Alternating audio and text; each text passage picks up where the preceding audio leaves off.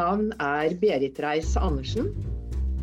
Og jeg er programleder for Advokatforeningens podkast Fri prosedyre. Rettslige spørsmål styrer store deler av samfunnet og livet ditt, og er mye viktigere enn du kanskje tror. Mine gjester blir invitert fordi de kan mye om et tema som fortjener en større plass i samfunnsdebatten. I dag skal vi snakke om hvem skal ta regningen når vi blir svindlet på nett. I dag skal vi snakke med Marte Eidsand Kjørven, professor ved Juridisk fakultet, Institutt for privatrett. Marte, hvem skal ta regningen? Det har du tenkt mye på. Ja, det har jeg tenkt uh, mye på. Vi, vi, lever jo i et uh, heldigitalisert uh, samfunn. Og, og, før i tiden så, så gikk bankranerne med finlandshette og, og, pistol inn i, inn i banken og, og, truet til seg penger. Og da, da var det ganske klart at dette ikke var noe som kundene skulle ta ansvar for. Men eh, etter hvert som eh, kundene også har begynt å utføre ganske mange transaksjoner eh, selv på nett, så har det jo også blitt enklere for tyvene å gå på kundene og f.eks. lure dem til å oppgi bank-ID-opplysninger eller kortopplysninger og lignende, og på den måten få penger ut fra bankene. Og da blir det jo spørsmål da, om dette skal være kundene eller eh, bankens ansvar. For å få et eh, innblikk i hva vi egentlig snakker om med disse usynlige kriminelle som svindler deg på nett.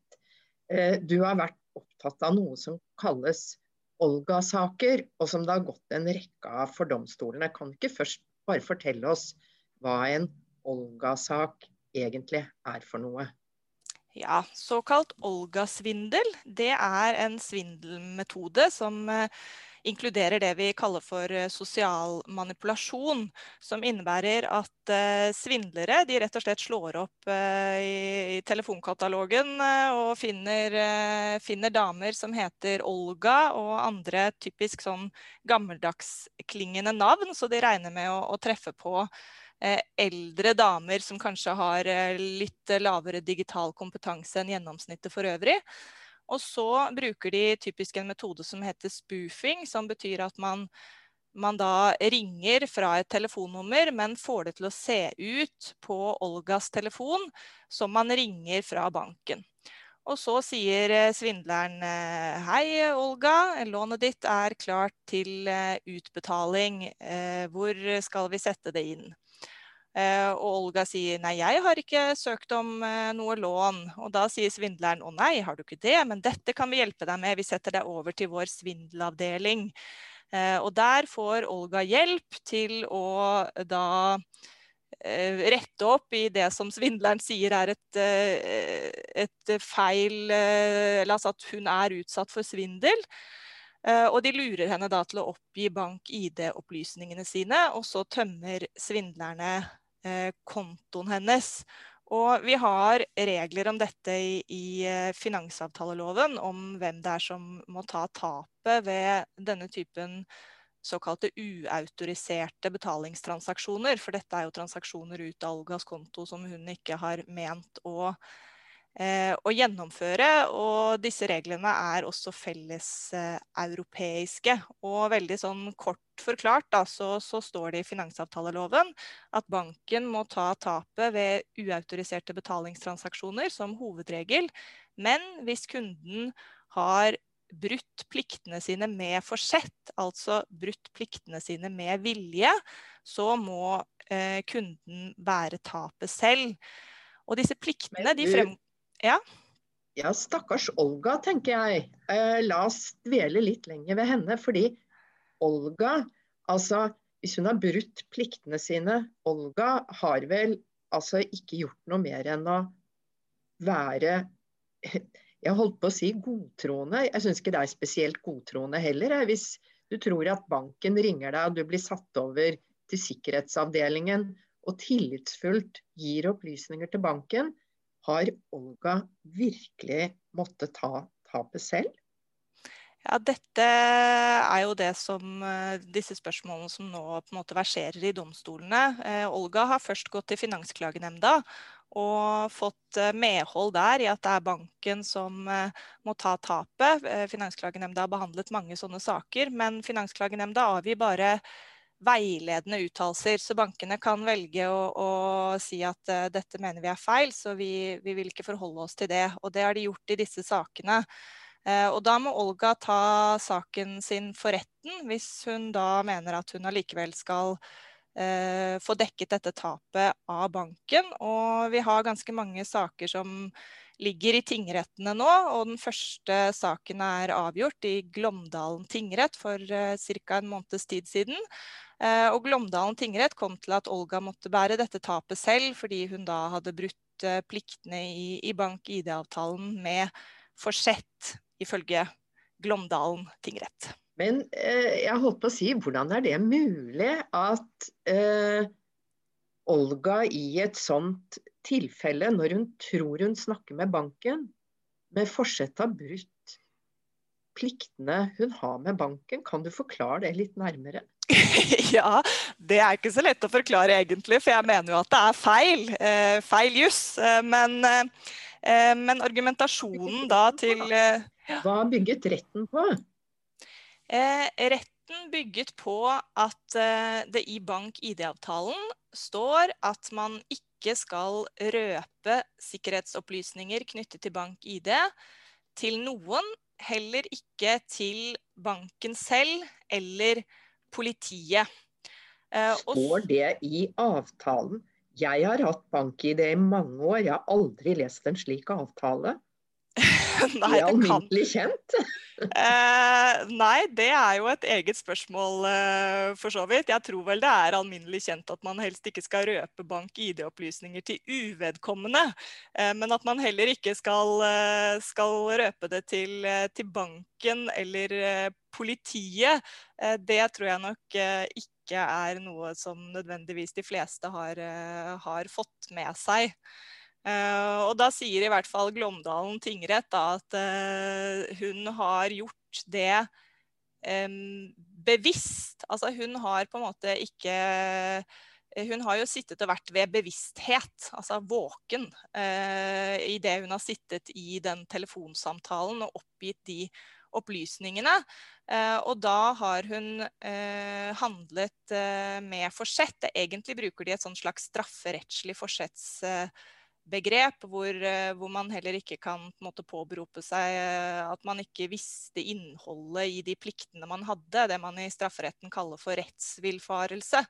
At du ikke vet at det ikke er lov å stjele, det gjør ikke at du ikke kan dømmes for å stjele. Men å bruke et sånt, eh, sånt strafferettslig forsettsbegrep i denne sammenhengen, det er jo ganske misforstått, mener jeg da. Ja, og kanskje særlig for det. Det er vel en vesentlig forskjell på at det ikke er lov å stjele, til å ikke være klar over at det ikke er lov å gi opplysninger til om bankforhold til banken eller politiet. Men um, hvis vi går videre, denne Olga, som i virkeligheten er mange personer, uh, som blir belastet for en banksvindel, er uenig i det og går til domstolen for å slippe å betale. Hvordan ser det ut for en Olga når hun står for retten? Det er jo ikke helt billig å ta med seg en advokat og prøve saken for retten.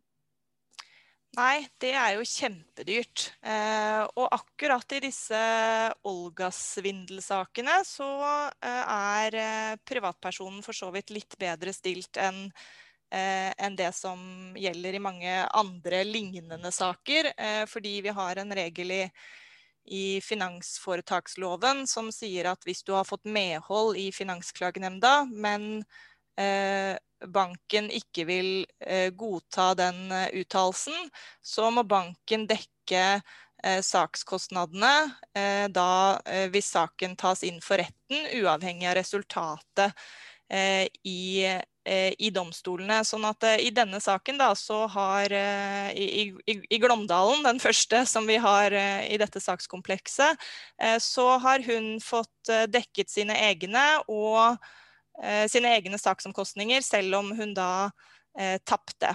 Men hvis hun vil eh, ta denne saken eh, videre til lagmannsretten, da gjelder ikke den regelen lenger. Eh, så da må hun både dekke sine egne saksomkostninger, og hun risikerer også å måtte dekke motpartens saksomkostninger. Og så skal det også legges til at de aller, aller fleste av disse svindelsakene, der ligger det jo ikke en en uttalelse fra Finansklagenemnda med medhold i bunn. Eh, det er veldig sjelden. Eh, sånn at de fleste som utsettes for svindel, de må dekke, ta hele risikoen selv, da.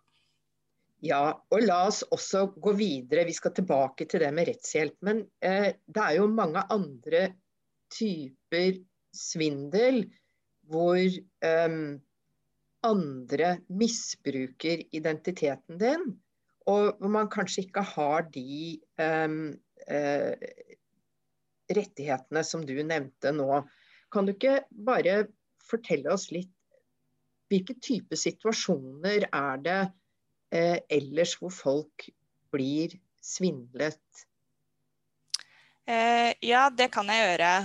det har jo vært ganske mye oppmerksomhet rundt og et ganske stort problem med misbruk av eh, bank-ID i forbindelse med låneopptak, og da spesielt eh, forbrukslån og, og kredittkort.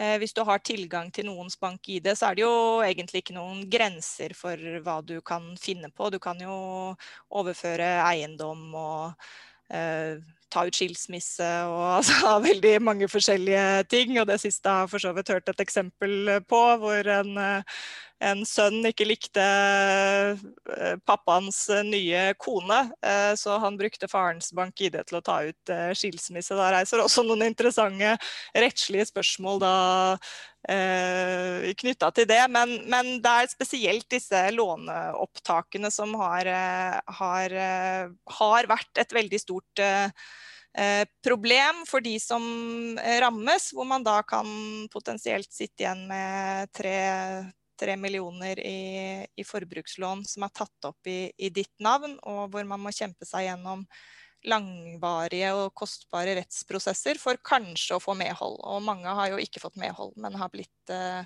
erstatningsansvarlig. Ja, for dette kan vel handle om type samboere, ektefeller, eh, hvor den ene misbruker identiteten, enten at man deler bankkortet eller noen kikker over skulderen din mens du er inne på nettet. Folk har jo barn som kanskje ikke alltid er lojale mot uh, foreldrene sine. Um, venner. Uh, det er jo i den nære krets de veldig mange uh, forbrytelser skjer, også her. Ja, det er, eh, det er, eh, delvis riktig, i hvert fall. Altså, det er helt klart at mange av disse sakene gjelder misbruk mellom nærstående. Men det er også en økende andel her av organisert uh, kriminalitet. Altså noens identitet er jo utrolig uh, mye verdt. Så her er det også uh, elementer av profesjonelle kriminelle nettverk som, som driver med dette på, på profesjonell basis, for å, si det, for å si det sånn.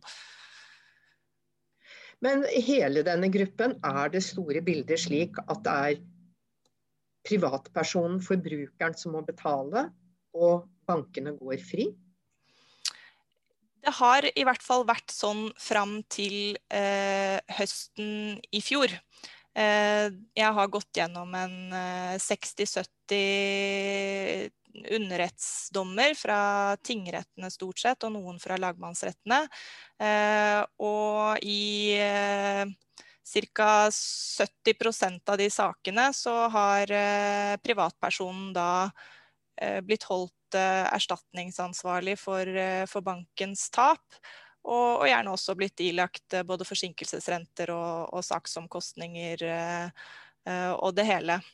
så fikk vi jo en en høyesterettsdom i, i, høst. En høyesterett behandlet den første saken, sånn type sak i høst, hvor eh, den offeret, ID-tyveriofferet da fikk, eh, fikk, medhold, og for så vidt har jo sånn sett slått fast at det meste av den rettspraksisen vi hadde før det, var feil. Eh, det er jo i seg selv en ganske stor skandale, tenker jeg da, at vi har den typen økonomiske justismord i ganske stort omfang. Ja, hvordan kunne det skje? For jeg ser at eh, etter jeg har snakket med deg, så leste jeg den høyesterettsdommen. Og jeg tenker det er ett resonnement som virkelig var nøkkelen der, når Høyesterett skulle vurdere hva som var uh, uaktsomt. Uh, så sier jo Høyesterett at alle må jo ta rimelige forholdsregler, men at det må avpasses til hva som er praktisk mulig. Um, og du omtaler dette som økonomiske justismord. Um, fortell også noe om hvilke konsekvenser dette har fått for folk når de må ta regningen. Hva slags Dette vel både, gjelder vel både store og små beløp. Mm. Det varierer jo litt i de ulike sakene hvor eh, store beløpene er. Eh, men i de mest alvorlige sakene så, så beløper det seg jo til, eh, til, flere millioner. Og da kjenner man jo til saker hvor, hvor folk da har mistet hjemmet sitt. En sak med en alenemor da som, som fikk tre og en halv million eh, tatt opp i gjeld i hennes eh, navn.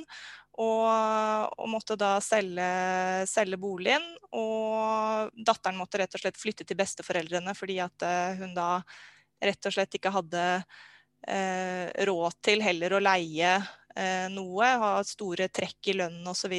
selvfølgelig. Så hun, eh, hun bor da i, i en kjellerleilighet hos en venn, da, mens datteren har flyttet til, til, besteforeldrene sine. Og dette er jo helt grunnleggende egentlig menneskerettigheter, altså retten til eh, hus og hjem og, og barn. Sånn at eh, i, nå er det selvfølgelig ikke nødvendigvis så ille i alle disse sakene, eh, men det kan jo gå skikkelig galt og være veldig, veldig alvorlig for de som rammes. Ja, det er veldig viktig å bli påminnet på at man faktisk kan få ødelagt livet sitt totalt av en slik svindel. Men et økonomisk justismord, da spør man seg jo umiddelbart hvordan kunne det skje? Hva med advokater, altså advokatbistand på begge sider, domstolene? Har du sett nærmere på det i din forskning? Jeg har i hvert fall noen tanker om hvordan, eh, hvordan det kunne skje. Altså, for det første så, så har jo lovgiver vært litt i bakkant. Nå har de jo vedtatt uh, nye regler i, i, ny finansavtalelov i desember i fjor, men dette har jo fått pågå i, i ganske mange år uh, før det, hvor man har vært opptatt av å tilrettelegge for digitalisering, men ikke har tenkt tilstrekkelig gjennom risikoen uh, og hvordan det skulle eh, reguleres. Og så kan du si at eh, det hadde ikke vært nødvendig at lovgiver kom på banen for så vidt, hvis eh, domstolene hadde klart å, å, anvende de alminnelige erstatningsreglene riktig, på samme måte som da Høyesterett har eh, slått fast. Eh, og hvorfor, hvorfor har så mange domstoler kommet til så eh, mange gale resultater i disse sakene. Det kan nok skyldes mange forskjellige ting. Eh, for det første rettshjelp, som jo er fraværende. Eh, man har ikke noe krav på på rettshjelp i denne typen eh, saker. Det finnes ikke noen offentlige organer som hjelper til. Det er superkompliserte saker, så noen har jo kanskje en rettshjelpsforsikring som dekker 100 000 eller noe sånt. Men det er klart hvis du blir saksøkt av eh, åtte forskjellige banker, så kommer du ikke så veldig langt med den, eh, med den dekningen der. Men bankene har jo råd til skarpskodde advokater. Blir det en uh, ubalanse i retten? Ja, det blir det jo helt åpenbart. Eh, og det er jo både det at de har skarpskodde advokater, men ikke minst også det at de har de samme advokatene. Eh, så i disse sakene som jeg har sett på, disse 60-70 sakene, så er det jo stort sett de samme advokatene på banksiden. Eh, og så er det dels selvprosederende privatpersoner og dels eh, vidt forskjellige Eh, advokater på den andre siden. Og jeg tror at eh, når disse sakene begynte å komme for domstolene, så syns jeg man kan se en tendens til at de sprikte veldig i resultat i begynnelsen. Eh, og så er det klart at disse underrettsdommene de er jo stort sett ikke tilgjengelig på, eh, på lovdata, men de advokatene eh, på banksiden har jo hatt muligheten til å ta med seg de dommene der hvor de har fått medhold, da. Og ta med seg de videre til eh, til den neste domstolen og den neste domstolen, og kanskje la de sakene hvor man eh, ikke har fått medhold, eh, bli liggende. Og der har jo den nye advokaten til den nye privatpersonen ingen mulighet for å, for å klare å finne fram til de dommene. Så det er også en skjevhet i, i tilgang til dommer, da, kan du si. Og man kan jo spørre seg om det, om det er en grei fremgangsmåte også. Ja, og det er jo litt sånn uh, juristteknisk om uh, hvilke kilder er det man egentlig skal påberope seg for uh, retten. Men det er jo dommerne som har ansvaret om å være kildekritiske, er det ikke det? Jo, absolutt.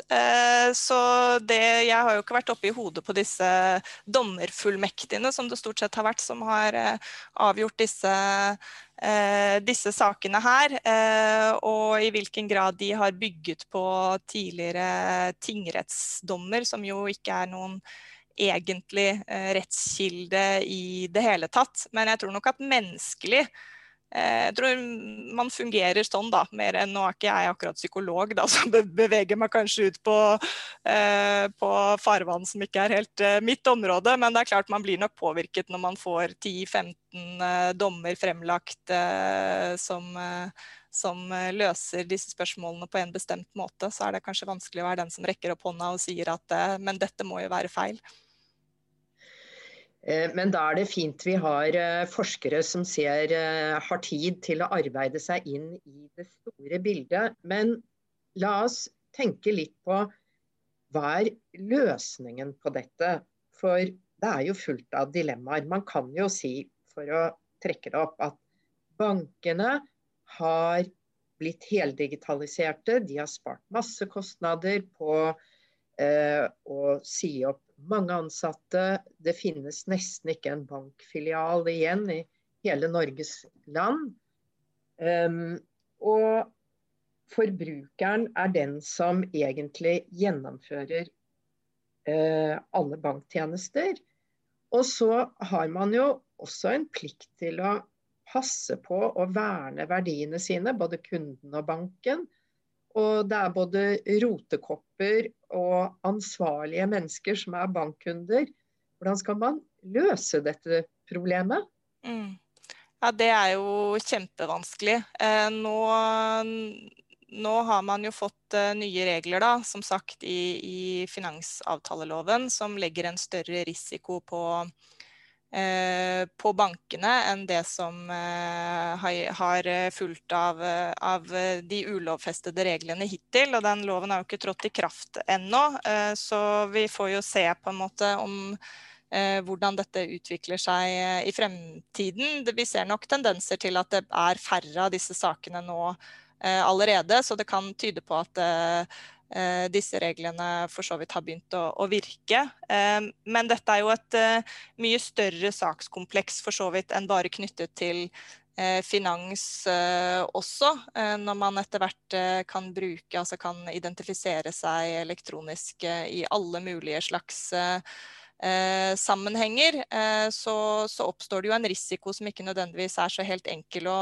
og eh, finne ut av hvordan man skal løse. Men vi har fått eh, penger nå fra Forskningsrådet til et eh, kjempestort forskningsprosjekt om dette. Så da håper jeg at vi etter hvert så kan jeg komme tilbake og fortelle deg hvordan vi skal løse disse problemene. Ja, men du, Det er helt fantastisk. Du gjennomfører forskningsprosjektet og kommer tilbake til vår podkast og kommer med løsningen. Det ser jeg virkelig frem til.